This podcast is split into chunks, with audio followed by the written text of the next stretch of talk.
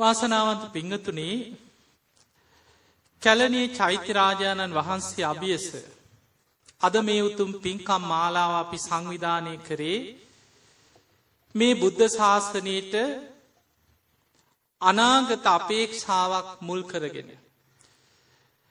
අපි මුලින්ම මේ පින්කම පිළිබඳ ඔබෝ දැනුවත් කරදි සඳහන් කරා අතීතයේ බුද්ධ ශාසනයට විටිං විට හානිකර කාල එනකොට ඉර්දි බල සම්පන්න මහරහතන් වහන්සේලා බලනවා පාරමී පුරාගෙන යන බෝධිසත්වරු අතර ව්‍යක්ත විසාරද බහුස්ෘත සසරේ ධර්මය පුරුදු කරපු ධර්ම කතික ඊළඟට මිත්‍යා මතවාද කණ්ඩනය කරලා ධර්මය බලවත් කරන්න පුළුවන් තරන් පුුණ්‍ය ශක්තියක් ඇති මහා පින්වන්තය මනුලොව ඉන්නවද. මනුලව නැත්නම් දෙව්ලොව ඉන්නවද. එහෙම නැත්නම් බඹලව ඉන්නවද කියල බලලා ඒ දෙවියන්ට බ්‍රහ්මයන්ට මනුලවට ආරාධනා කරා බුද්ධ ශාසනය වෙනුවෙන්.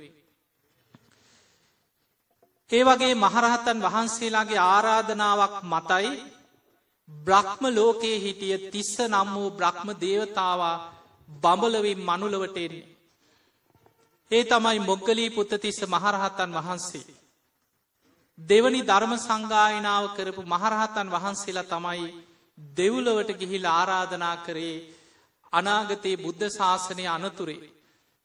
මිත්‍යා දෘෂ්ටිය බලවත් වෙනවා. මිත්‍යා මතවාද දරන රජවරු බලවත් වෙලා ශාසනයට හානි කරනවා. ශාසනය බලවත් කරන්න ඔබ තරම් පුුණ්්‍යවන්තයෙක් නෑ. බඹලවින් මනුලවට එන්න කියලා මහරහතන් වහන්සේලාගේ ආරාධනය මතයි තිස්ස කියන බ්‍රහ්ම දේවතාවා බඹලව ඉදම් මනුලවටාවි.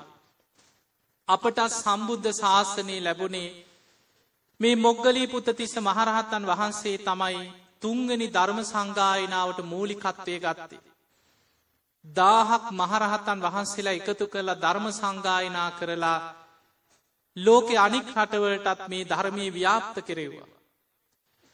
ධර්මාශෝක රජ්ජුරුවන්ට උපදෙස්තීලා රජ්ජුරුවන්ව තිසරණයේ පිහිටෝලා අසූ හාරදහසක් වෙහෙර විහාර ඉදි කරලා සම්බුද්ධ ශාසනයේ බැබලෙව්වා.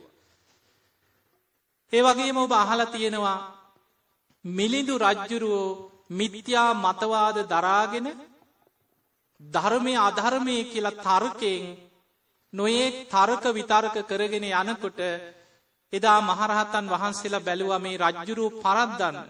රජ්ජුරුවන්ගේ මතවාද බිඳින්න සුදුසු කෙනෙක් මනුලව හිටිය නෑ. දෙවියන් අතර ඉන්නවා බොහෝම බල සම්පන්න පාරමී පුරණ කෙනෙ.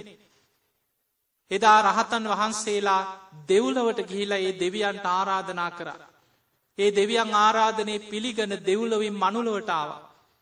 ඒ තමයි නාගසේන මහරහත්තන් වහන්සේ. ඒවගේ ඔබ දන්නවා මේ බුද්ධ ශාසනයට හානිකර බොහෝ අවස්ථාවල පාරමී පුරණ බෝසත් දෙවිවරුන්ට ආරාධනා කරලා මනුලවට එන්න කියලා ආරාධනා කරපු සිදුවීම අපේ ධර්මී සඳහන් වෙනවා. අපි මේ මහා පින්කම සිදු කරේ එවැනි උතුම් අරමුණක් ඇතුව. අපිට නොයෙක් වෙලාවට අහන්න ලැබෙනවා අද එන්න එන්න ශාසනී පිරිහෙනවා. නොයෙක් මතවාද ධර්මයේ සුරූපෙන් අධර්මය මතුවෙනවා. අපි මේ කරන ප්‍රාර්ථනාව තුළ අදහෙට ප්‍රතිඵල නොවනත් තවවුරුදු විස්සකින් තිහකින් මේ සම්බුද්ධ ශාසනය බලවත් කරන්න තරම් මහා පින් ඇති බෝධි සත්ව දරුවන් දෙව්ලොවින් මනුලවටේ. ඒ ප්‍රාර්ථනයෙන් තමයි අපි මේ පින්කම කරන්න. ඒ නිසාපි සියලු දෙනා සාධ කාරදීල ආරාධනා කරමු. දෙව්ලොව ඉන්න පාරමී පුරණ බෝධිසත් දෙවිවරුන් දිවිය ලෝකවලින් චුතවෙන් ආසන්න පාරමී පුරණ බොහෝම බල සම්පන්න දෙවිවරුන් මේ ලංකා භූමියයට මේ පින් ඇති පිළිවෙත් පුරණ මේ අම්මාවරුන්ගේ කුස පිළිසිඳගෙන මේ රටත් සම්බුද්ධ ශාසනයක් බබලවන්න දෙව්ලොවින් මනුලවට පැමිණෙත්වා කියල සාදු කියලා ආරාධනා කරමු. පිංහතුනී අපේ බුදුරජාණන් වහන්සේ බුද්ධත්වයට පත්වෙලා නමවෙනි මාසේ තමයි මයිංගනයට වැඩම කරන්න. එදා යක්ෂයන්ගෙන් මේ රට බේරගෙන ගිරි දිවයින නමින් බුදුරජාණන් වහන්සේ ඉරදියෙන් දිවයිනක් මේ ලංකා භූමියයට ලංකරලා එදා මේ භූමිය පුරා හිටිය යක්ෂයන් අමනුස්්‍යයන් මේ පිරිස ගිරි දිවයිනට පලවා හැරලා බුද්ධ අධිෂ්ඨානයෙන් ලංකා භූමිය පුරා මහසිත් තුන් වතාවක් ප්‍රදක්ෂිනා කරා කියල සඳහන් වෙන. අර අමනුස්්‍යයන්ගෙන් කරදරයක් විපතක් නොවෙන්න මේ භූමි ආරක්ෂා කරා. එදා ඒ ප්‍රදේශයේ පාලනය කරපු පිරිස රජවරු දෙවිවරු සුමන සමන් දෙවියම් බණහලා උතුම් සෝවාන් පලට පත් වුණ. කේෂ දහතු මිටක් ලබාගෙන එදා ඉදිකරපු චෛත්‍යරාජාණන් වහන්සේ තමයි ඒ මයිංගන චෛත්‍යරාජාණන් වහන්සේ. අපේ බුදුරජාණන් වහන්සේ බුද්ධත්වයෙන් නමවෙනි මාසේ මේ ලක් දෙරනට වැඩම කරලා ඒ කේෂ දහතුන් වහන්සේලා තැම්පත් වෙලා ඉදිවෙච්ච ඒ උතුම් මයිංගන චෛත්‍යරාජාණන් වහන්සේට අපගේ නමස්කාරය වේවා සාධූ සාධු. පිංහතුනි අපේ බුදුරජාණන් වහන්සේ බුද්ධත්වයෙන් පස්නි අවුරුද්දේ. උන්වහන්සේ උදෑසන දොළොස් කෝටි ලක්ෂවාරයක් මහා කරුණා සමාපත්තියට සමවදින. ගන්ධ කුටිය ඉදම් දස දහසක් ලෝක දහතුවට බුදු ඇස විහිදෝනෝ. කවුද අද දවසි ධර්මාවබෝධය ලබන පින්වන්තමය බුදුවැසින් ලෝකයේ දිහා බලනු. බුදුරජාණන් වහන්සේදා දකිනවා අනාගතයේ සම්බුද්ධ ශාසනය ආරක්ෂාවෙන. ධර්මය පිහිටන මේ ලංකා භූමියේදා මිනි පළඟක් නිසා නා රජවරු යුදවදින්න සූදානන් වෙනවා. මේ යුද්ධ ඇති වුණානං විශාල පිරිසක් මිය යන. බුදුරජාණන් වහන්සේ පාත්ත සිවුරු අරගෙන ගන්ධකුටියෙන් එලියට වැඩම කරා. එදා බුදුරජාණන් වහන්සේ වැඩ සිටියේ සැවැත්නුවර ජේතවන පුුණ්‍ය භූමිය. බොහෝ දෙවිවරු අහසේ දන් ස්වාමීණී අපිත් එෙනවා අපිත් එෙනවා කියලා ඉදිරිපත්වෙන. බුදුරජාණන් වහන්සේ වදාළ දෙවියන නුබලා මේ ගමනට අවශ්‍ය නෑ. බුදුරජාණන් වහන්සේගේ ගන්ධකුටි අස්සල කිරි පළුරුක විමාන කරගෙන හිටිය සමින්දි සුමන කියන දේවතාවට බුදුරජාණන් වහන්සේ කියනවා ඔබ ඔය විමාන කරගෙන ඉන්න කිරි පළුරුක උදුරාගෙන තතාගතයන් වහන්සේ සමඟ ඔබ පමණක් කෙරෙන.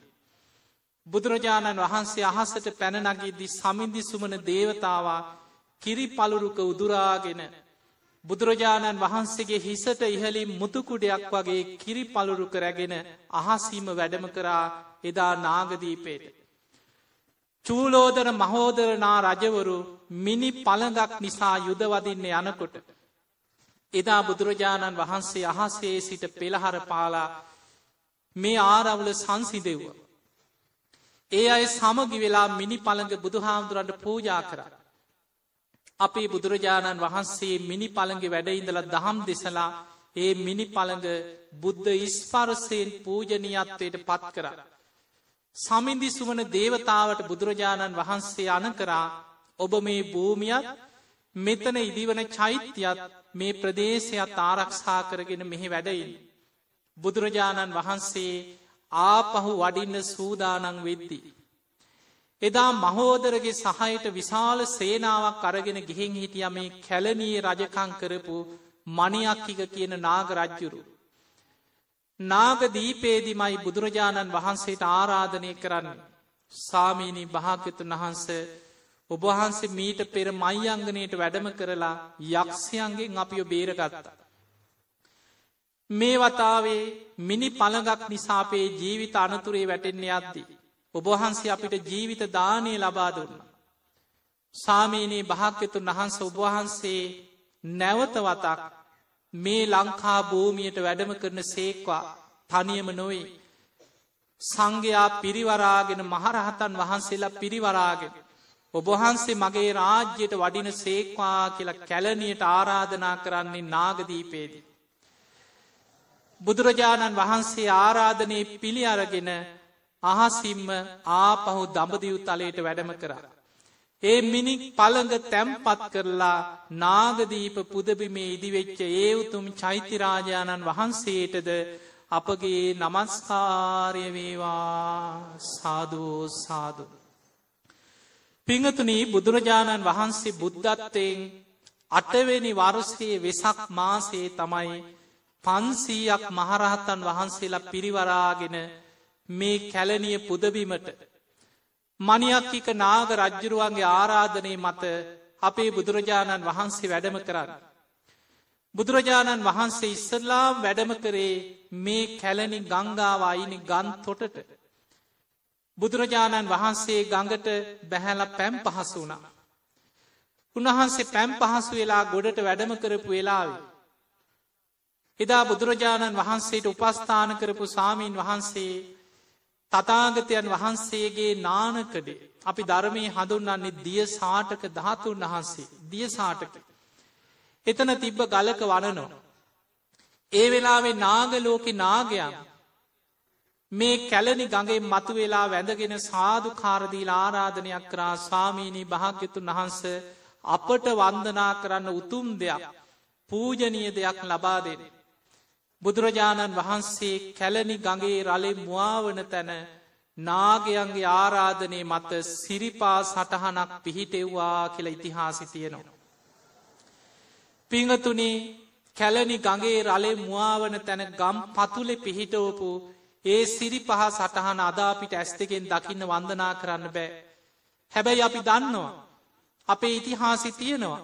මේ කැලනි ගගේ රලේ මුවාවන තැන බුදුරජාණන් වහන්සේගේ සිරිපා සටහනක් පිහිටෝල වැඩ සිටින.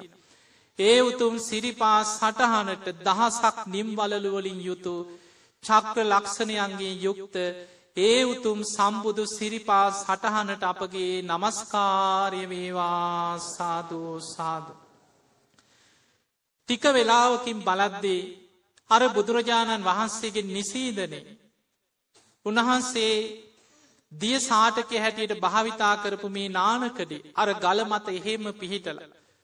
බුදුරජාණන් වහන්සේ වදාලා ඔය ගලත් ඔය දිය සාටකයත් තැම්පත් කරලා එතනම චෛත්‍යයක් ඉදි කරන්න.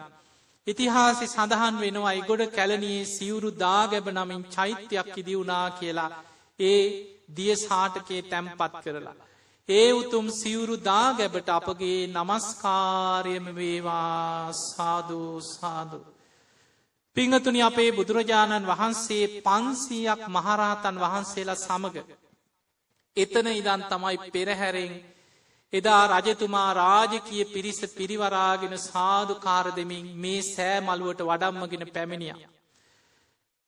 අද මේ විදුලි ආලෝකයෙන් බබලන අදාපි බොහෝම සද්ධාවෙන් පෙරහැරෙන් ඇවිල්ලා මේ කංචුක පූජා කරලා සුවඳ මලින් සරසලා මේ උතුම් පුද පූජා කරන මේ කැලනිය චෛත්‍යරාජාණන් වහන්සේ පිහිටි භූමිය.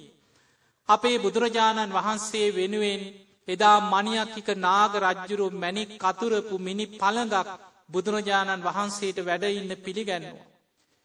පන්සීයක් රහතන් වහන්සේලාට මේ භූමි ආසන සකස් කරලා පිළිගැන්නවා.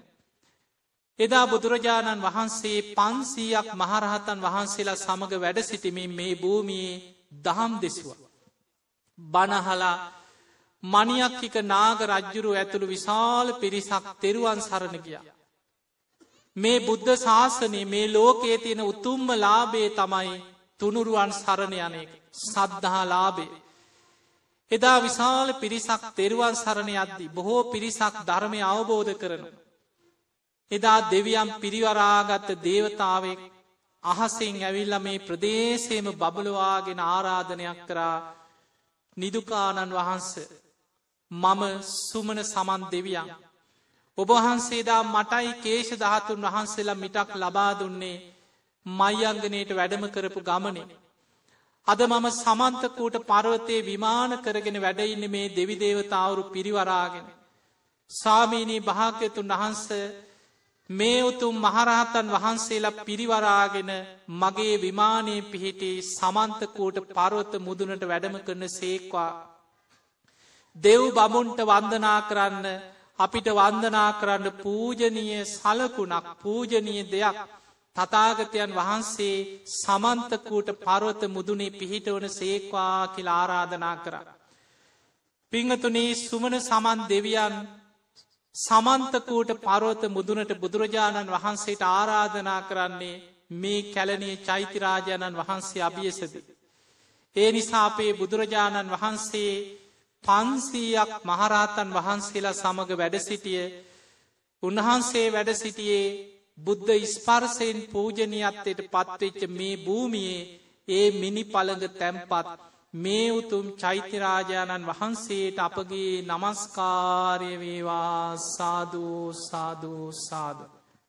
පිංහතුනී මේ ලංකා භූමිය පුරාම වැඩඉන්න අෂ්ටඵල බෝධීන් වහන්සේලා දෙතිස් පල බෝධීන් වහන්සේලා සොලොස් මස්ථාන ඇතුළුවේ පූජනීය සියලු පුුණ්‍ය භූමිවල ඒ උතුම් වැඩඉන්න ධාතුන් වහන්සේලාගේ ඒ උතුම් බුද්ධ ශක්තියෙන් ඒ ශ්‍රී මහා බෝධීන් වහන්සේ ඇතුළු බෝධීන් වහන්සේලාගේ අනන්ත ගුණානු භාව බලේ.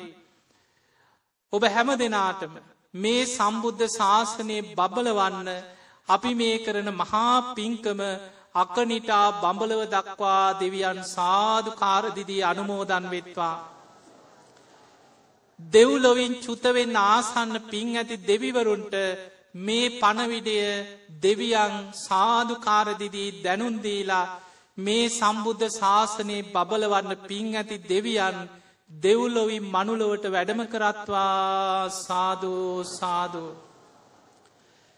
පිංහතුනී ධර්මී සඳහන් වෙනවා පුබ්බ නිමිත්ත කියලා ලස්සන දේශනාව.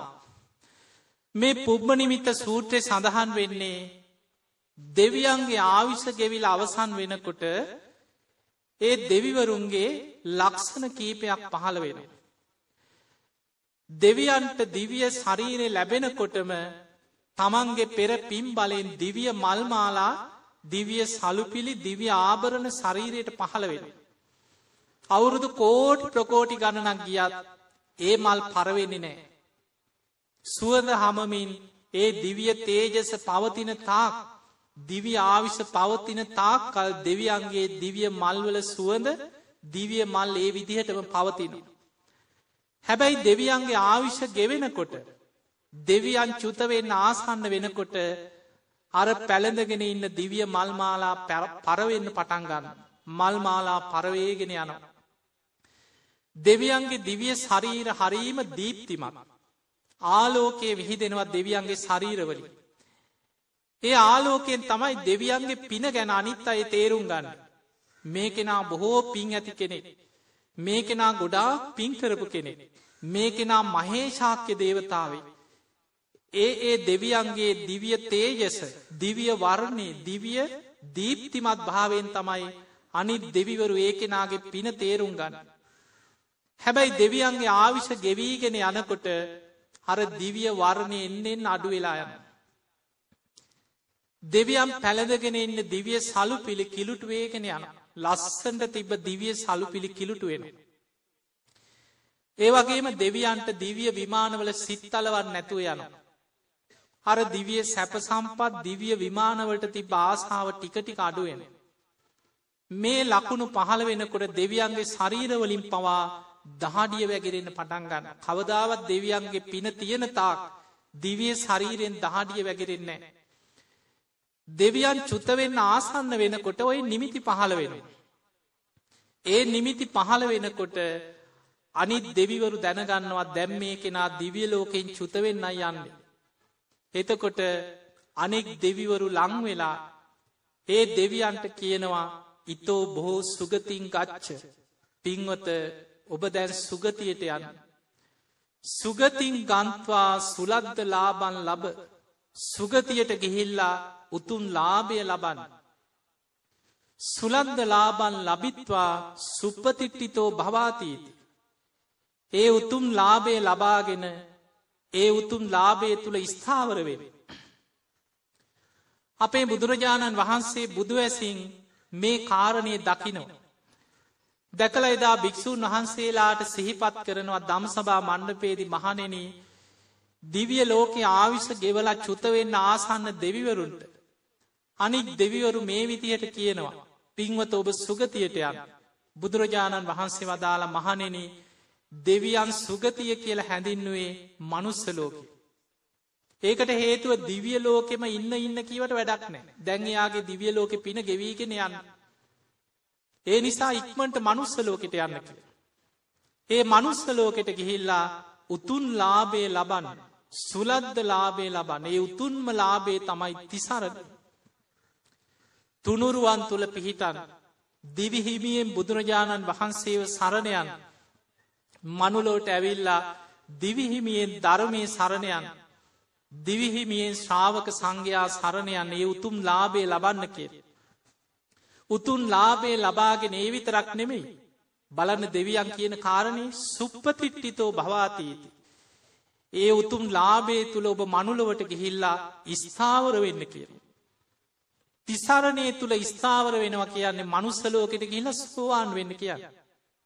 සෝවාන් වෙච්ච කෙනා තමයි බුද්ධේ අවිච්ච ප්‍රසාදී බුදුරජාණන් වහන්සේ ගැන අච්චල සද්ධාවෙන් යුක්තයි. දම්මේ අවිච්ච ප්‍රසාදේ ධර්මය ගැන අච්චල සද්ධාවෙන් යුක්තයි. සංගේ අවිච්ච ප්‍රසාදේ සංඝයා ගැන අච්චල සද්ධාවෙන් යුක්තයි. ඒ සෝවාන් පලයට පත්වෙච්ච කෙනා. එතකොට පිංහතුනී දෙවිවරු කියනවා ඔබ මනුස්සලෝකට ගිහිල්ලා තිසරණය තුළ ස්ථාවර වෙන සෝවාන් වෙන. එහෙම නං අර පින් ඇති දෙවිවරු දිවියලෝකේ මනුලව දිහා බලනකොට සෝවාන් වෙන්න පුළුවන් තැන. තිසරණී පිහිටන්න පුළුවන් තැන. මනුස්සලෝකෙ ගුණධර්ම පුරණ පින් ඇති අම්ම කෙනෙක් පින් ඇති පවුලක් ඉන්නවද කියලා දෙවියම් බලනවා මනුස්ලෝට එන්න පෙර. ඒ නිසා පිංවතුනි ඒ වගේ පින්කරපු පාරමී පුරපු ගුණධර්ම පුරාගෙන යන්න පිනට කැමති දෙව්ලව ඉන්න දෙවිවරු දෙව්ලොවී මනුලවට එනකොට එවැනි පින් ඇති දෙවි කෙනෙක් අම්මා කෙනෙක්ගේ කුස පිළිසිඳ ගන්න නං ඔබ ඊට සුදුසු ගුණධර්ම ඇති අම්ම කෙනෙක් වෙන්නට ඕන. ධර්මී සඳහන් වෙනවා බුදුරජාණන් වහන්සේ පෙන්නනවා ඒක දීතු කියල සූත්‍රයක් තියෙන.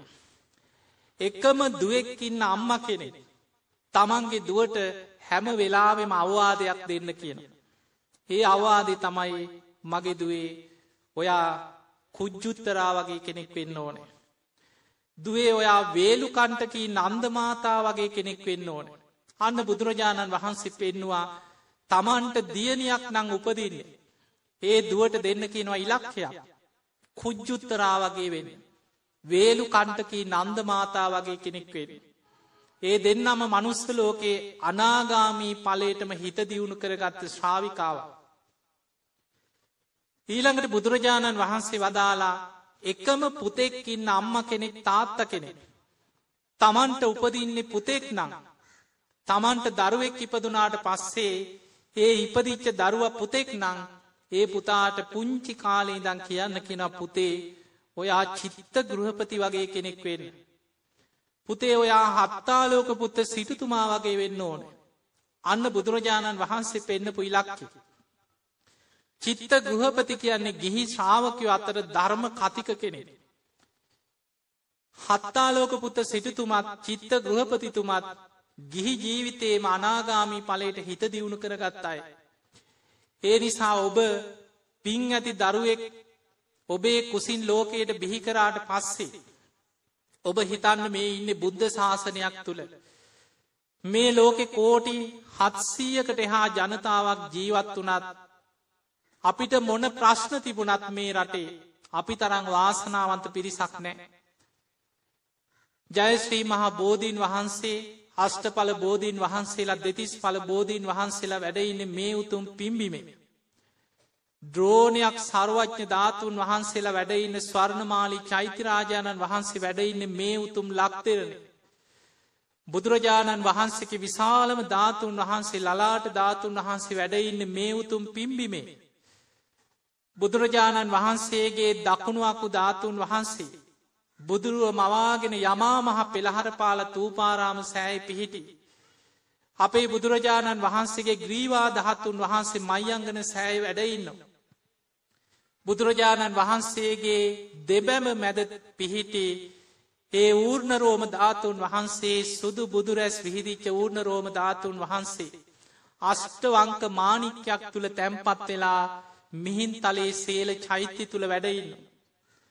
මේ ලංකා භූමිය ඉන්න අපි ධාතු මන්දිරයක් ඇතුළේ ඉන්නවා වගේ මහා පින්වන්ත ජාතිය. ඒ නිසා පින්වතුනේ ඔබේ කුසෙන් මේ මනුලව දරුවෙක් මේ ලෝකයට උපදිනවා කියන්නේ ඒ දරුවට දෙන්න තියෙන උතුම්ම ලාබේ තමයි සද්ධහලාවේ. පුංචි කාලේ ඉදං සද්ධාව ඇති කරවත්. ඒ දරුවව තිසරණය පිහිටවත්. ධර්මය සඳහන් වෙනවා. ඔබ අහල ඇති එදා සුජාතාවටත් දරුව නැති ප්‍රශ්නයක් තිබ්බද නැද්ද. සසරේ කල්ප ලක්ෂයක් පෙරුම් පුරාගෙන එන්න ඕනෑ. බුදු කෙනෙක් බුදුවෙන ජීවිතේ බුදුවෙන්න පෙරදින බුදුරජාණන් වහන්සේ නමකට කිරිපිඩු පූජාවක් කරන්න. අපේ බුදුරජාණන් වහන්සේ පිරිනිවන් පාන්න පෙර ආනන්ද හාමුදුරන්ට දේශනා කර ආනන්දය බුදුරජාණන් වහන්සේට පූජා කරපු දානයන් අතර.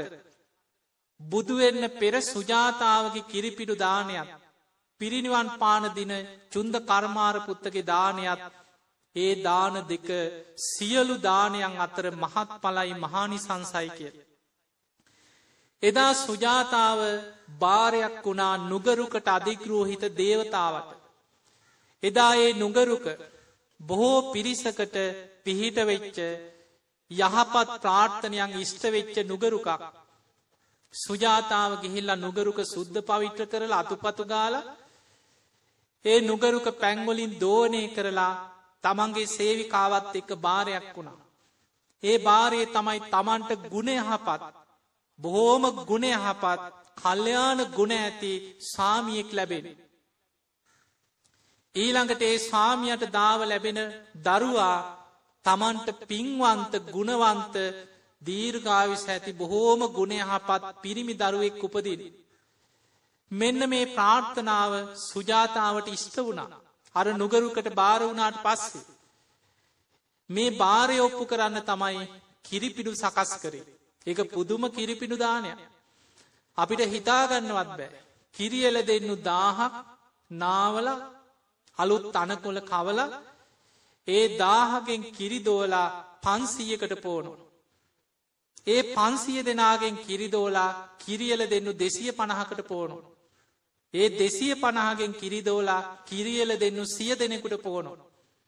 ඒ අයගෙන් අවසාන දහ දෙනාගෙන් ඔය විදියට කිරි දෝල දෝල අන්තිමටම කිරිදෝල ගන්න අන්තිම දහ දෙනාගෙන් ගන්න කිරිවලින් තමයි මේ කිරිපිඩු දානය සකස් කරේ. එදා සුජාතාව මේ කිරිපිඩු දානය හදල සේවිකාවට කිව්වා නුගරුක සුද්ධ කරන්න. එතන අතුපතු ගාල සූදානන් කරන්න කිරිපිඩු අරගෙන යන්න කලින්. යනකොට අපේ බෝසතාණන් වහන්සේ එදා දුස්කරක්‍රියාව අවසන් කරලා දින හතක් ඒ වෙනකොට. බුදුවෙන දවසේ උන්වහන්සගේ ශරීරය රත්තරම් පාටින් බැබලෙන දවසක්. ගිනියගුරු පාට රශ්මියක් බුද්ධත්වයට පත්වෙච්ච දවසෙත් පිරිනිවන් පාන දවසෙත් බුදු සිරුරෙන් විහිදුනා කියල ධර්මී සඳහන් වෙනවා. එදා මේ නුගරුක අසල අපේ බෝසතාණන් වහන්සේ වැඩඉන්නවා උන්වහන්සගේ ශරීරයෙන් ගිනි අඟුරු පාට රශ්මියක් විහිදෙනවා.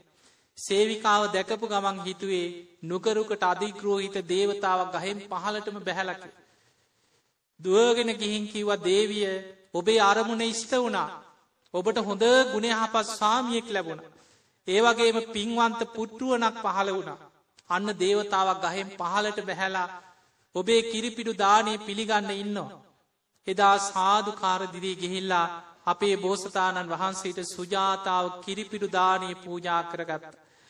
ඒ නිසා පිංහතුනේ අතීතය ඉඳං තමන්ට පින්වන්ත දරු සම්පතක් වෙනුවෙන් අම්මාවරු බෝධීන් වහන්සේලාට නුගරුකට දැගේ කාලෙ බුදුහාමුදුරුව බුදුවෙන්න කලින් නුගරුකට බාර වුණේ. අදාපිට අපේ බුදුරජාණන් වහන්සේ බුදු වෙලා පාරිභෝගික ධාතුන් වහන්සේ හැටියට පෙන්වේ බුදුහාමුදුරුව පරිහරණය කරපු දේවල් අතර ජයශ්‍රී මහ බෝධීන් වහන්සේ අක්‍රයි. ඒ උතුම් ජයශ්‍රී මහ බෝධීන් වහන්සේ අෂ්ටඵල බෝධීන් වහන්සේලා දෙතිස් පල බෝධීන් වහන්සේලා. බුදුරජාණන් වහන්සේගේ ගුණ සිහිකරගෙන අපිට ගුණධර්ම පුරලා දෙවියන්ට පින් අනුමෝදන් කරලා ඔබට බාරහාරවෙන්න මොනතරම් පූජනය වස්තු අපිට මේ බුද්ධ ශාසනය ලැබිල තියෙනවද. පිංහතුනේ පින් ඇති දරු සම්පතක් ලබන්න. ඔබට ධර්මයේ තියෙන වැදගත් කරුණු කීපයක් මං ඔබට මේ දේශනාව තුළ විස්තර කරලා දෙනවා. හොඳට මේටික මතකතියාගන්න. ඊළඟදේ තමයි මේටික අහගෙන ඉඳලා ඔබ ධර්මානු කුලෝ මේ කාරණා පුරුදු කරන්න. පෞද්ගලිකව අපි හම්බෙන්න්න එන්නේ එපා හාමුදුරුවමකක්ද එදා බණට කීවේ කියල දැන් හොඳට අහක. ධර්මය සඳහන් වෙනවා බුදුරජාණන් වහන්සේ පෙන්නනවා කලලයක් කුසක දරුවෙක් පිහිටන්න උපකාර වෙන කාරණා තුනක් තියෙන. ඒ තමයි ඒ අම්මා රිතු එන කෙනෙක් වෙන්නට ඕන. ඊළඟට සරු පුරුෂයෙක් ඉන්නට ඕන. ඒ දෙමව්පියන්ගේ එකතුවීමක් සිද්ධ වෙන්නට ඕන. ඒත් එක්කම විඤ්ඥානයක් කුසේ බැසගන්නට ඕන. ඔන්න ඔය කාරණා කීපය එකතු වෙච්ච තැන තමයි දරුවෙක් කුසේ පිළිසිඳ ගන්න. ඒවගේම ධර්මී සඳහන් වෙනවා මේක සඳහන් වෙන්නේ මිලින් ද ප්‍රශ්න. නාගසේන මහරහතන් වහන්සේ විස්තර කරනවා දරු ගැබක් කුසේ පිහිටන ආකාර හතරක් ධර්මී සඳහන් වෙන. මේ ආකාර හතර තමයි කර්ම වසයෙන් කුසේ දරු ගැබක් පිහිටන්න පුළුවන් ඔන්න පළවෙනි එක. ඉළඟට යෝනි වසයෙන් කුසේ දරු ගැබක් පිහිටට. ඊළඟට කුල වසයෙන් පිහිටනු. ඊළඟ එක තමයි ආරාධනා වසයෙන් කුසේ දරු ගැබක් පිහිට. ඔන්න ඔය ආකාර හතර ධර්මී පෙන්න්නන. මේකෙන් අපිට වැදගත්ම දෙකක් තියෙන. ඒ තමයි කර්ම වසයෙන් කුසේ කොහොමද දරු ගැබක් පිහිටන්න. බුදුරජාණන් වහන්සේ විස්තරකපු කාරණා තමයි නාගසේන මහරහතන් වහන්සේ එදා විස්තර කරන්න. මේක සඳහන් වෙනවා මහා බල සම්පන්න දේවතාවෙක් කිරි. ඒ දේවතාවගේ කර්ම ශක්තිය බලවත්. කුසල් බලවත්. එහෙම කුසල් බලවත් දේවතාවෙකුට කැමති තැනක හිත පිහිටෝල කැමති අම්මා කෙනෙගේ කුස පිළිසිඳ ගන්න පුළුවන් කිය.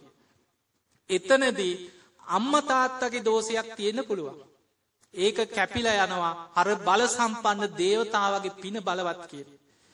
කරම වසයෙන් කුසේ පිළිසිඳ ගන්නවා කියන්නේ පාරමී පුරණ මහා පින් ඇති බෝධි සත්වරු ඉන්න. එවැනි බෝධි සත්වරුන්ගේ පින ගොඩාක් බලවත්. ඒ ගොඩාක් පින බලවත් ඒ බෝධි සත්වරුන්ට කැමති අම්මා කෙනෙක්ගේ කුසක පිළිසිඳ ගන්න පුළුවන් කිය. ඒක උපමාවක් කියන මේ වගේ. බොහෝ ධනය තියෙන බොහෝ සල්ලි තියෙන ධන කුවේරෙක්කින්න. අපි හිතම සල්ලිවලට කරන්න දෙයක් නැති කෝටි ප්‍රකෝටි ගණන් සල්ලි තියෙන කෙනෙක්කින්න. එහෙම මුදල් තියෙන කෙනෙකුට තමන්ට හිතෙනවා ඉඩමක් ගන්න. ගන්න බැරිද. පුළුවන් ඇයි සල්ලි තියෙන.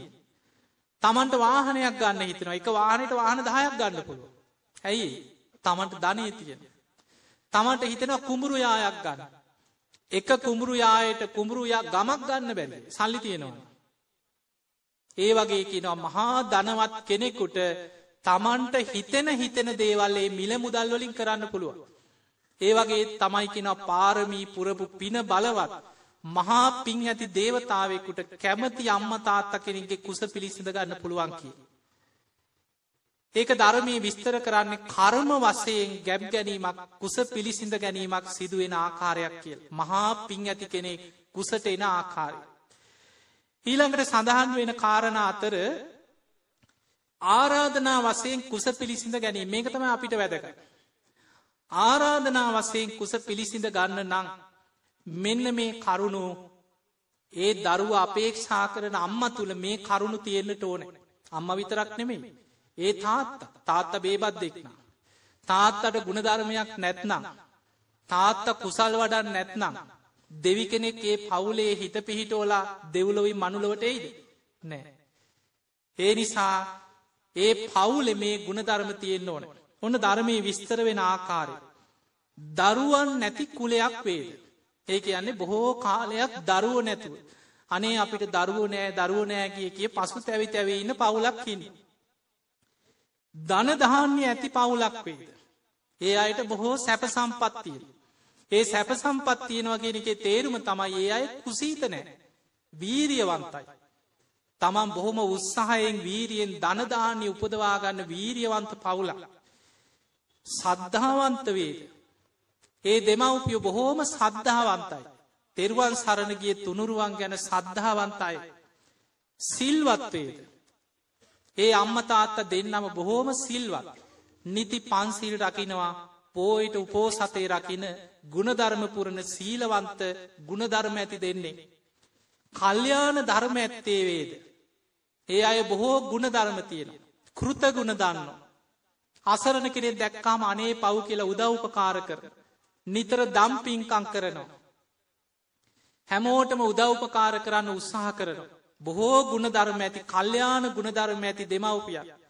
ඒ විතරක් නෙමෙයි ඉවසීම තපස ඉවසන. හොද ඉවසීමක් පුරුදු කරන අය එකෙන මෛත්‍රිය වඩන. මෙන්න මේ විදියේ ගුණධර්ම ඇති යුවලක් ඉන්නවද යම් පවුලක දරුවෝ නැතුව. ඒ අය ගුණධර්ම රකිමින් කාලයක් තිස්සේ තමන්ගේ ගුණධර්ම ගැන සිහිකර කර හිතනවා අනේ අපි මෙහෙම පින් කරනවා. අපි මෙහෙම ගුණධර්ම පුරනවා. අපි සිල්වත් අපිට පින්වන්ත දරු සම්පතක් ලැබේවා කියලා හිත හිතා ඉන්න. මේක දැනෙනවා කියනව සක්‍ර දෙවියන්ට. දෙදෙව්ලෝට අධිපති සක් දෙවිඳු බලනවා දෙව්ලොවින් චුතවෙන්න ආසන්න දෙවියන් අතර පින් ඇති දෙවිවරු කවුද කියලා බලන. එහෙම බලලා ඒ දෙව්ලොවින් චුතවෙන් ආසන්න දෙවිවරු ළඟට ගිහිල්ලා සක්‍ර දෙවියන් විධාන කරන්න. සක්‍ර දෙවියෝ කියනවා කියනවා පින්වත ඔබ මනුලව අසවල් කුලේ සිල්වත් ගුණවත් ගුණධර්ම පුරණ අර අම්මගේ කුසේ පිළිසිඳ ගන්න දෙව්ලොවින් මනුලොවට යන්න කියලා සක්‍ර දෙවියන්ගේ දේවතාවට විධාන කරලා දෙව්ලොවින් මනුලොවට එවනවා කිය. අන්න ඒක ධර්මය පෙන්නන්නේ ආරාධනා වසයෙන් ගැබ් ගැනීම හැටියට. ආරාධනා වසේ කුස පිළිසිඳ ගැනීම හැටියට. ඔබ අහලා තියෙන විහාර මහා දේවියට කාලයක් දරුවන් නැතුව හිටිය කියට. විහාර මහාදේවිය කියන්නේ කල්ප ලක්ෂයක් පාරමී පුරාගෙන යනවා. මතු බුදුවන මෛත්‍රී බුදුරජාණන් වහන්සේගේ ගිහි කල අම්ම. සසර පාරමී පුරාගෙන යන කෙනා. එදා මේ කැලනිය භූමිය තමයි කැලනි තිස්ස රජ්ජුරුවන්ගේ රාජ භූමිය කැලන තිස්ස රජ්ජුරුවන්ගේ දූකුමරි. මේ රට වෙනුවෙන් එදා මුහුදට බිලිවෙන්න ඉදිරිපත් වුණා. ඒ තරම් පරිත්‍යාගයක් කරපු මේ මහා පින්වන්ත විහාර මහාදේවිය දවසක් දානය අරගෙන ගිය ආරාමක. ඒ ආරාමි හිටිය ස්වාමීන් වහන්සේලා. අතර නායක හාන්දුරුව ඉරදි බල සම්පන්න මහරහත්තන් වහන්සේ නම. උන්වහන්සේ බැලුව දේවිය මොකද දුකේ. ඔබ බොහෝ පින් ඇති කෙනෙ. මොනුවද ඔබට තියෙන අඩු පාඩු. රජ්ජුරුව කොච්චර නං ගුණවන්ත කෙනෙක්. ඒ වෙලාවිකිව අනේ ස්වාමීනී මට සැප සම්පත්වලින් අඩුවක් නෑ. නමුත් රජ්ජුරුවොත් දුකෙන් ඉන්න කාරණයක් තියෙන. ඒ තමයි දරු සම්පතක් නෑ. මේ රාජ්‍ය භාරගන්න පින් ඇති දරුවෙක් නෑ පුතෙක් නෑ. ඒ වෙලා මේ ඉරදි බල සම්පන්න මහරහත්තන් වහන්සේ ඉරදියෙන් බැලුවා මේ අම්මට දරුව ලබන්න පින තියෙනවද. බලනකොට මේ සාමාන්‍ය කෙනෙක් නෙමෙයි. කල්ප ලක්ෂයක් පාරමී පුරාගෙන යන කෙනෙ. පින් ඇති කෙනෙක් ඉන්නවා ඒ ආරාමිම කුටියක ඉන්නවා ස්වාමීන් වහන්සේ නමක් ගිලං වෙලා. දෙව්ලව හිත පිහිටවාගෙන ඉන්නවා. කිව්ව දේවිය ඔබ අන්නර කුටියට ගිහිල්ලා ඒ ස්වාමීන් වහන්සේ දැන් දෙව්ලව හිත පිහිටවාගෙන ඉන්නේ. උන්වහන්සේට ආරාධනා කරන්න කීවා දෙව්ලොව උපදින්න කලින් මගේ කුසේ පිළිසිඳ ගන්න කිය. නැවත නැවතත් සිහි කරා බෑම කිව කලින්. දේවිය මන් දෙව්ලව හිත පිහිටවාගෙන ඉන්නකි. ඊළඟට කියනවා ස්වාමීනයේ ඔබහන්සේ දිවිය ලෝකෙ ගිහින් සැප සම්පත් ඉදිනවට වඩා. මනුලව රජපවුලක ඉපදුනොත්. ඔබහන්සේට ධාර්මිෂ්ටව රජකං කරන්න පුළුවන්. මේ සම්බුද්ධ ශාසනයේ මේ රටේ බබලවන්න පුළුවන්. වෙහෙර විහාර ඉදි කරන්න පුළුවන්. ශාසනයේ බබලවන්න පුළුවන් පාරමී පුරාගන්න පහසුයි. ඒ නිසා ඔබහන්සේ මගේ කුසේ හිත පිහිටවත්. අන්න බලන්න දෙවියම් බලන කාරණය. දෙවියම් බලන්නේ ශාසනය වෙනුවෙන් කරන පින්වන් තාරාධනී තමයි දෙවියම් පිළිගන්න. ඒ වෙලා අර සාමීන් වහන්සේ කියනවා දේවිය හොඳයි මං ඔබේ ආරාධනය පිළි දැන් දෙව්ලව යන්න හිටපු කෙනා. ඒ වෙලාවෙකිනවා දේවිය මං ඔබේ ආරාධනය පිළිගත්තා. බොහෝම සතුටේ විහාර මහාදේවි පිටත් වෙලා ගිය. ටික වෙලාවකින් උන්වහන්සේ අපවත් වෙලා ඒ කුසේ පිළිසිඳගත්. ඒ තමයි දුටු ගැමනු කුමාරය දුටු ගැමුණු රජතුමාගේ උපත. ඒ නිසා පිංවතුනේ මේ බුද්ධ ශාසනය තුළ හරීම පින්වන්ත දේවල් තියෙනවා. ඔබ අහල ඇති අපේ බුදුරජාණන් වහන්සේ වැඩ සිටිද්දි බෝධිරාජ කුමාරය ගැන. මේ බෝධිරාජ කුමාරයා කොසල් රජ්ජුරුවන්ගේ බිසවකගේ පුතේ. බොහෝම ධනවත් කුමාරය. හැබැයි මේ කුමාරයටත් තිබ එකම ප්‍රශ්නය දරුවන්නේ. මාලිගා තියෙනවා සල්ලි තියෙනවා සැප සම්පත් තියෙනවා රජපවුලක කෙනෙක් දරුවෙක්නේ. දවසක් බුදුරජාණන් වහන්සේ ඇතුළු මහා සංඝයාට තමන් ලස්සන මාලිගාවක් අලුතෙන් හැදුව. හදල මේ මාලිගාවට ගෙට ගෙවිදින්න පෙර බුද්ධ ප්‍රමුඛ මහරහතන් වහන්සේලාට ආරාධනා කර. ආරාධනා කරලා තමන්ගේ මතින් බුදුරජාණන් වහන්සේට නිවසට වඩින්න පාවඩයක් ගෙයි පඩිපෙළේ ඉඳං දොරටුව ළඟ ඉඳම් පාරටම තමන්ගේ මතින් පාවඩේලු. පාවඩයට වන්දනා කරලා අධිෂ්ඨානයක් කරගත්තා මට හැමදේම තියෙනවා දරු සම්පතක් නෑ. බුදුරජාණන් වහන්සේ මේ පාවඩේ මත සිරිපා තබමින් මගේ නිවසට දානයට වැඩම කරන සේක්වා. ඒ බුදුරජාණන් වහන්සේ මේ පාවඩේ මත සිරිපා තබනවා නං මට පින්වන්ත දරු සම්පත් ලැබේවා කියලා දේවියත් එක්කම අධිෂ්ඨානයක් හිතේ තියාගෙන හිටිය. බුදුරජාණන් වහන්සේ දානයට වැඩිය. හැබැයි බුදුහාමුදුරුවන්ට පාවඩේ එලපු කෙනාගේ හිත පේනු. බුදුරජාණන් වහන්සේ පාවඩේ ළඟට ඇවිල්ලා නතරවුන්. නතර වෙලා කිව්වා මේ පාවඩේ අයින් කරන්න. ඒ මත සිරිපා තැබුවේ නෑ බුදුරජාණන් වහන්සේ නිවසට වැඩිය. ඒ වෙලාවේ බෝධිරාජ කුමාරයකින අනේ සාමීනී ඇයිමේ තතාගතයන් වහන්සේ මගේ පාවඩේ මතින් සිරිපා තබමින් නිවසට වැඩම නොකරේ. බුදුරජාණන් වහන්සේ වදාළ බෝධිරාජ කුමාරය ඔබේ ප්‍රාර්ථනාව ඉෂ්ට වෙන්නේ නෑ. අනේ ඇයි ස්වාමීණී. එතනදි බුදුරජාණන් වහන්සේ වදාලා බෝධිරාජ කුමාරය ඔබ මීට පෙරේක ආත්මයක ඔය දේවිය මයි එදා ඔබේ බිරිඳ වෙලා හිටිය. නාවික ගමනක් යනකොට නැව මුහුදුබත් වෙලා හදිස්සියේ කොහෝම හරි පීනගෙන දූපතකට ගිය වෙලාවේ කන්න නැතුව කිරිලියන් රකිමින් හිටපු බිත්තර අර කූඩුවලින් අරගෙන රකිමින් හිටපු බිත්තර කෑවකිනො කාලයක්. ඒ අකුස්සල විපාකෙ තාමත් ඔබ පස්සෙන් ගෙනවකි. ඒ නිසා දරු සම්පත් ලබන්න බෑකි. එදකොට අපිට පේනවා කෙනෙකුට දරු සම්පතක් නොලැබෙන්න හේතුවෙන අකුසල් අතර. එවැනි අකුසලුත් කෙනෙකුට කර්මාණු රූපිය බලපාන්න පුළුවන්කම තියෙනවා. ඊළඟට එතන බෝධිරාජ කුමාරයාගේ හරි ලස්සන සිදුවීමක් සඳහන් වෙනවා බෝධිරාජ කුමාරයක් බනහලා බුදුරජාණන් වහන්සේ ඉදිරියේ සාධකාරදීලකින ස්වාමීණී මම දැන් තුන්වෙනි වතාවට අද මේ බුදුන් සරණ යන්නේ. ඒ කොහොමද ස්වාමීණී භාග්‍යතුන් වහන්ස මගේ අම්මා මම කුසේ ඉන්න ඇද්දී. එදා බුදුරජාණන් වහන්සේගෙන් බනහලා කුසට අතතියාගෙන බුදුන් සරණ ගියා කියන. ඉස්සල්ලා තමන් බුදුන් සරණ ගිහිල්ල කුසට අතතියාගෙන හිතනවා මගේ මේ කුසේ වැඩෙන දරුවා බුදුන් සරණ යනවා කියලා බුදුන් සරණ යනවා. ඒ තමයිකිනව මං කුසේයින් නැද්දි පළවෙනි වතාවට බුදුන් සරණ ගිය හැටි. අම්ම කුසට අතතියාගෙන බෝධිරාජ කුමාරයක් කුසේ වැඩෙනකොට බුදුන් සරණගී. ඊළඟට දරුව ඉපදුනා. ඉපදුනාට පස්සෙ කිරි මව්වරු එක්ක මේ දරුව අරගෙන බණහන්නාව.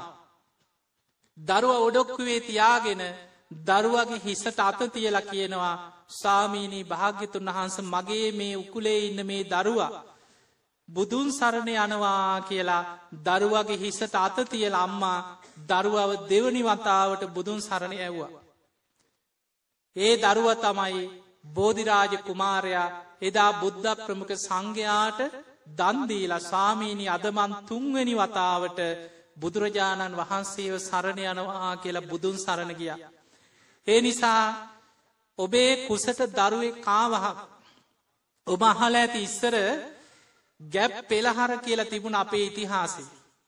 කුසට දරුවෙක් කාවට පස්සේ අම්ම කෙනෙක් දෙපාරක් පන්සිල් ගත්තා. පළවෙනි වතාවේ පන්සිල් ගන්නේ තමන්ට. ඊළඟ වතාවේ කුසේ ඉන්න දරුව පන්සිල් සමාදන් කෙරෙවු. කුසේ ඉන්න දරුව වෙනුවෙන් තෙරුවන් සරණ පිහිටිය. බුදුරජාණන් වහන්සේගේ ගුණ සිහි කරලක් කුසට අතතියාගෙන දරුවට ආශිර්වාද කර. ඒ නිසා එවැනි පින් ඇති දරුවන් බිහි කරන්න නං අම්මාවරු කොච්චරනං ගුණධර්ම පුරන්නට ඕනැ. පිංහතුනේ ඔබ දන්නවා මේ බුද්ධ ශාසනය තුර දරුවෝ ලැබෙන්නේ නම්මලාට මහා මුනිවරයන් වහන්සේ නමක්කින්න ආශිර්වාදය පිණිස කවුදේ. ඒ තමයි අංගුලිමාල මහරහතන් වහන්සේ. කල්පයක් බලවත් සත්‍යයක් ක්‍රියාවක් කරේ. එදා අංගුලිමාල මහරහතන් වහන්සේ ඒ දරුව ලැබෙන්න හිටපු අම්මළඟට ගිහින් කරපු සත්‍යයක් ක්‍රියාව මේ කල්පයේ පුරාම බලවත්. බුදුරජාණන් වහන්සේ වදාලා අංගුලිමාල මහරහතන් වහන්සේගේ සත්‍යයක් ක්‍රියාව මේ කල්පේ පුරා බලවත් කියලා. දැම් බලන්න මේ අම්මලා දරුව ඉන්න අම්මල ඇති මෙතන බණහනයි. ඔබේ කුසට දරුවෙක්කාවට පස්සේ. දරුව ලැබෙන්න්න ලංවෙනකොට ඔබ අංගුලිමාල පිරිත කියවේ නැද්ද. හංගුලිමාල මහරහතන් වහන්සේ වැඩහිටියේ අපේ බුදුරජාණන් වහන්සේ වැඩ සිටි කාලෙ. අවුරුදු දෙදස් පන්සිය ගානක් ගත වෙලා. අදටත් අපි අංගුලිමාල මහරහතන් වහන්සේගේ ආශිර්වාද ලබනො. මේ කල්පේ තුලා බලවත්. මතකතියාගන්න අපි මේ ඉන්න මහා බද්‍ර කල්පේ හතරවෙනි අන්තක් කල්පේ තුළයි මේ ඉන්නේ. මේ මහා බද්‍ර කල්පේ අන්තක් කල්ප හැට හතරක් යනවා තවයිස්. අපි මේ ඉන්න හතරවෙනි අන්තක් කල්පේ. අන්තක් කල්ප හැට හතරක් අවසන් වනාට පස්සේ මේ ලෝක ධාතුව විනාස වෙන්න පටන් ගන්නවා.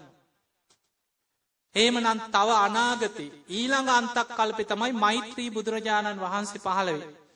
එහෙමනං අංගුලිමාල මහරහතන් වහන්සේගේ සත්‍යයක් ක්‍රියාව මේ කල්පයේ පුරා බලවත් කියන එකේ තේරුම්මකද. මෛත්‍රී බුද්ධ ශාසනයේ වෙන ශ්‍රාවකයෙක් ඔය සත්‍යයක් ක්‍රියාව කරන්නේ. එක දේශනාවක සඳහන් වුණ අටුවාවේ මෛත්‍රී බුදුරජාණන් වහන්සේ තමන් වහන්සේගේ ශ්‍රාවිකාවන්ට ගිහි ශ්‍රාවක ශ්‍රාවිකාවන්ට දේශනා කරනවා දරුවෙක් ලැබෙන්නේ නම්මලාට පිහිට වෙච්ච මහා මුනිවරෙක් ගෞතම බුද්ධ ශාසනය වැඩ හිටිය. ඒ තමයි අංගුලිමාල මහරහතන් වහන්සේ. ඒ අංගුලිමාල මහරහතන් වහන්සේව සිහිපත් කරලා දරුවෙක් ලැබෙන්නේ නම්මලාට ඒ ආශිර්වාදයම මෛත්‍රී බුද්ධ ශාසනයත් ඒ පිරිතමයි ආපහු දේශනා කරලා බලවත් කරලා දෙන්නේ. ඒ නිසා ඔබ අංගුලිමාල මහරහතන් වහන්සේව සිහි කරන්න කුසදරන අම්මලාගේ මහා මුනිවරයන් වහන්සේ තමයි අංගුලිමාල මහරහතන් වහන්සේ. ඒ විතරක් නෙමෙයි. ඔබ කවුරුත් කැමති නිරෝගී දරුවෙක් ලබන්න. දීර්ගාවිශ ඇති දරුවෙක් ලබන්න කැමති නැද්ද. නිරෝගී දරුවෙක් ලබන්න දීර්ගාවිශ ඇති දරුවෙක් ලබන්න ඔබ කැමති. ඒ වෙනුවෙන් බුද්ධ ශාසනයේ පහළ වෙච්ච මහා මුනිවරයන් වහන්සේ තමයි බක්කුල මහරහතන් වහන්සේ. බක්කුල මහරහතන් වහන්සේව සිහි කරලා දරුවෙක් කුස වැඩෙනකොට කුසට අතතියාගෙන ආශීර්වාද කරන්න. මේ කුසේ වැඩෙන දරුවා ඒ උතුම් බක්කුල මහරහතන් වහන්සේගේ ආශිර්වාදයෙන් නිරෝගී දරුවෙක් බවටම පත්වේවා. මේ කුසේ වැඩෙන දරුවා බක්කුල මහරහතන් වහන්සේගේ ආශිර්වාදයෙන් දීර්ගාවිශ ඇති දරුවෙක් බවට පත්වේවා කියලා දරුවක් කුසේ වැඩෙනකොට බක්කුල මහරහතන් වහන්සේ සිහි කරලා ආශිර්වාද කරා. පිංහතුනි බක්කුල කුමාරයක් කුසට ආපු වෙලාවේ ඒ අම්මට පුදුමාකාර ලැබීමක් ලැබුණ කියල. දරුව කුසේ වැඩෙද්දි කිසිම වේදනාවක් නෑකිනව කුසේ දරුව වැඩෙනකොට. දරුව බිහිවෙන්නේ කිසිම වේදනාවක් නැතුව. බක්කුල අර කුමාරයගේ සසර පාරමී පින දරුව බිහිවුණාට පස්සේ ඒ ඥාතීන් කල්පනා කරා මේ දරුව මහා පින්වන්ත දරුවෙක්. මේ දරුවා එදා තිබිච්ච කුල සිරිතට අනුව යමුණා නදියෙන් දරුවව දෝවනය කෙරෙව්වෝත් මේ දරුවට දීර්ගාවිශ ලැබෙයි. එහෙම වුණොත් අපිට හැමදාම මේ ලැබීම ලැබෙයි කියලා දරුවක් කිරි මවරු අතේ යමුණා නදියට ඇරිය. පුදුම දෙයක් සිද්ධ වුණා. දරුවා ගගේ නාවන් හදනකොට විශාල මාළුවෙක් කටඇරගෙන ඇවිලත් දරුව එක කටට ගිල්ල. කිසිම අනතුරක් නැතුව කුස ඇතුළේ තොටිල්ලක දරුව නිදාගත්ත වගේ කුස ඇතුළේ මාළුවගේ කුස ඇතුළේ දරුව පිහිටිය. මේ මාළුවට කුසේ අර දරුවගේ තේජසින් විශාල රශ්නයක් තැනෙන්ට පටන්ගත්ත. මාළුව පීනගෙන පීනගෙන ගිහිල්ල බරණැස්නුවර මාළුවල්ලන පිරිසකගේ දැලකට අහුුණ. අහු එනකොට මාළුව මැරුණ. ඒ මාළුව විකුණන් අරගෙන යනකොට තමයි බරණැස්නුවර දනවස් සිටු පවුලක්. මේ මාළුව අරගෙන බොහෝම පරිස්සමේ මාළුව කපනකොට කුස ඇතුළ ඉඳල දරුව ලැබුණ. බක්කුල කියලා කියන්නේ කුසෙම් බිහිකරපු දෙමවපියවුණු. ඒ දරුව හදා වඩාගත්ත බරණැස්නුවර සිටු පවුලත් කොසබෑනුවර සිටු පවුලත් කියෙන මේ පවුල් දෙකෙන්ම පෝෂණය වෙච්ච නිසා තමයි බක්කුල කිය. අපි සාමාන්‍ය කියන්නේ පින තියෙනවනම් පොලේ ගැහුවත් මැරෙන්නෑ කියෙන නේද. අන්නේ වගේ සසර පින තියෙන මහා පින් ඇන්ත දරුව ලබන්න නම්. අපි දකිනව සමහර අම්මලා දරුව ලැබෙන්න ඉන්න දවසේන එක්ක ස්පිරිතාලගාන. එක්කො දරුව ලැබිච්ච දවසහිදං අඩාඩා ස්පිරිතාලගාන. ඒ නිසා නිරෝගී දරුවෙක් ලබන්න නං දීර්ගාවිශ ඇති දරු සම්පතක් ලබන්න නං බක්කුල මහරහතන් වහන්සේ සිහි කරලා උන්වහන්සගේ ආශිර්වාද ලබන්න. ඒ වෙනුවෙන් මේ ලංකා භූමියයේ පූජනය චෛත්‍යයක් මං ඉදි කරනවා. අඩි එකසිය තිහකට ආසන්න උසකින් යුක්ත බක්කුල මහා චෛත්‍යය හොරණ දික්කේරපුර වැලිපත සීල ස්වාරණ ගිලම්බික්ස් මධ්‍යස්ථාන පුුණ්‍ය භූමියයේ ඉදිකරගෙන යනවා. අපි මේ චෛත්‍යයේ මේ පෙබරවාරි මාසේ විසි එක විසි දෙක විසිතුන.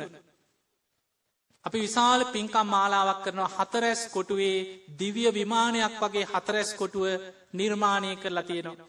මේ හතරැස් කොටුව දින තුනක් සැදැහැවතුන්ට වන්දනා කරගන්න සලස්සන. ඒවගේම චෛත්‍යයේ තැම්පත්වෙන හතරැස් කොටුවේ තැම්පත්වෙන සියලු නිදම් වස්තු.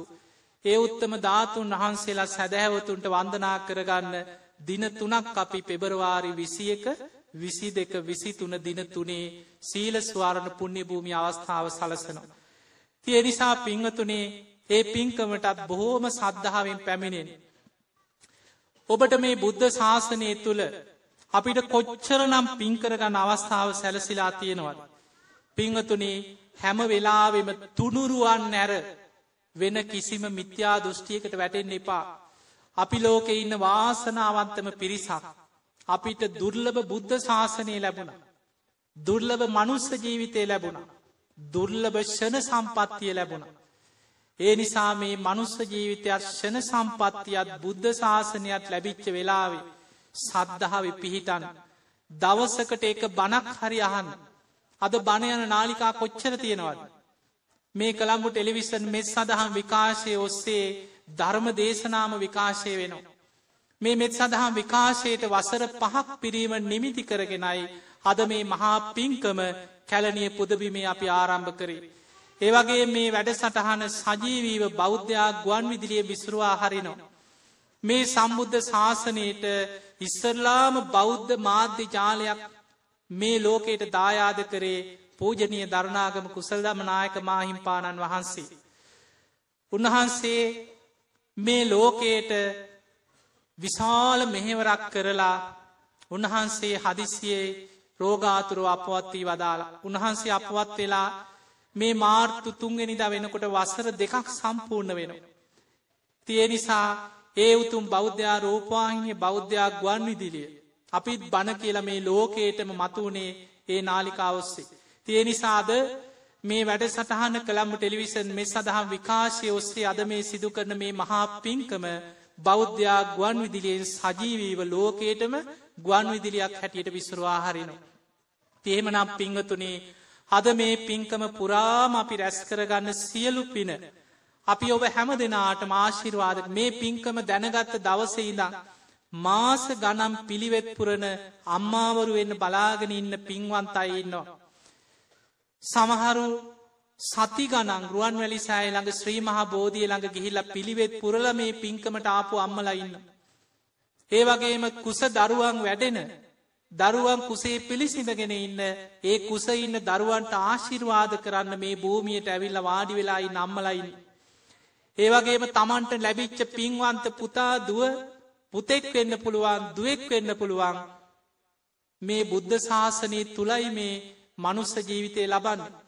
ඒ දරුවත් තුරුල් කරගෙන දරුවා ළඟතියාගෙන දරුවට ආශිර්වාද කරන්න ආපු අම්මල තාත්තල මේ භූමිය ඉන්නවා. ඒ නිසා ඔබ හැම දෙනාටම මේ උතුම් චෛත්‍යරාජාණන් වහන්සේගේ පිහිට ආශිර්වාදය ලැබේවා. තුනුරුවන්ගේ අනන්ත ආශිර්වාදය ලැබේවා. මේ කැලනිය චෛත්‍යරාජාණන් වහන්සේ තුළ වැඩ සිටින ඒ මිනි පළග බුදුරජාණන් වහන්සේ වැඩ සිටිය ඒ උතුම් පාරිභෝගික දහතුන් වහන්සේ වන මිනි පළගේ ආශිර්වාදයෙන් ඔබ හැම දෙනාටම නිදුක් නිරෝගී සම්පත්තිය දීර්ගායු සම්පත්තියම ලැබේවා ලැබේවා තුනුරුවන්ගේ අනන්ත ගුණානු භාව බලයෙන් ඒවගේම අප ඉදිකරනේ බක්කුල මහා චෛත්‍යරාජාණන් වහන්සේගේ මහානු භාව සම්පන්න ගුණේ ඔබ හැම දෙනාටම දීර්ගායු සම්පත්තිය නිරෝගි සම්පත්තිය ලැබේවා. ඔබට පින්වන්ත දරු සම්පත් මේ සම්බුද්ධ ශාසනය බබලවන් සමහර අම්මලා පොරොන්දු වෙලා ඉන්නවා පුතෙක් ලැබුණොත් පැවිදි කරන්න. ඒවගේ උතුම් පාරමිතා ඇති අම්මලාද මේ පින්කමේ ඉන්නවා. ඒ නිසා දෙවිවරු සාධකාරදිදී මේ පින්වන්ත පාරමීපුරණ අම්මලාගේ කුසවල්වල පිළිසිඳගෙන මේ සම්බුද්ධ ශාසනය බබලවන්න සියලු දෙවියන්ගේ පිහිට රැකවරණ ආශිර්වාදය මේ හැම දෙනාටම ලැබේවා ලැබේවා ලැබේවා සාධූ සාධූ සියලු දෙවියෝ සාධු කාරදිදී මේ පින් අනුමෝදන් වෙත්වා දෙවියන්ගේ පිහිට රැකවරණ ආශිර්වාදය ඔබ හැම දෙනාටම ලැබේවා විශේෂෙන් අපවත්වී වදාළ ධර්නාගම කුසල් දමනායක මාහිම්පාණන් වහන්සේ ඇතුළු බුද්ධ ශාසනයට අපරමිත සේවයක් සිදුකරපු ගංගොඩවිල සෝම ස්වාමීන් වහන්සේ නාවිනි අරි දම්ම ස්වාමීන් වහන්සේ කලින් කලට යුග පුරුෂයන් මේ ශාසනය බබලවන්න මේ රටේ පහළ වෙන. ආනන්ද මෛත්‍රී මහානායක හාන්දුරුව රේරුකානේ හාමුදුරුවගේ මහා පින්වන්ත උත්තමය අතීතය පහළ වුණ. අනාගතෙත් එවැනි මහා පින්වන්ත මේ බුද්ධ ශාසනයේ බබලවන මහා පින්වන්ත උත්තමයන් මේ ශාසනය තුළ පහළවේවා කියල සාදු කියලා පින්දෙන්. ඔබ හැම දෙනාටමත් උතුම් ධර්මාවබෝධයම ලැබේවා ලැබේවා ලැබේවා සාධූ සාධූ සාධූ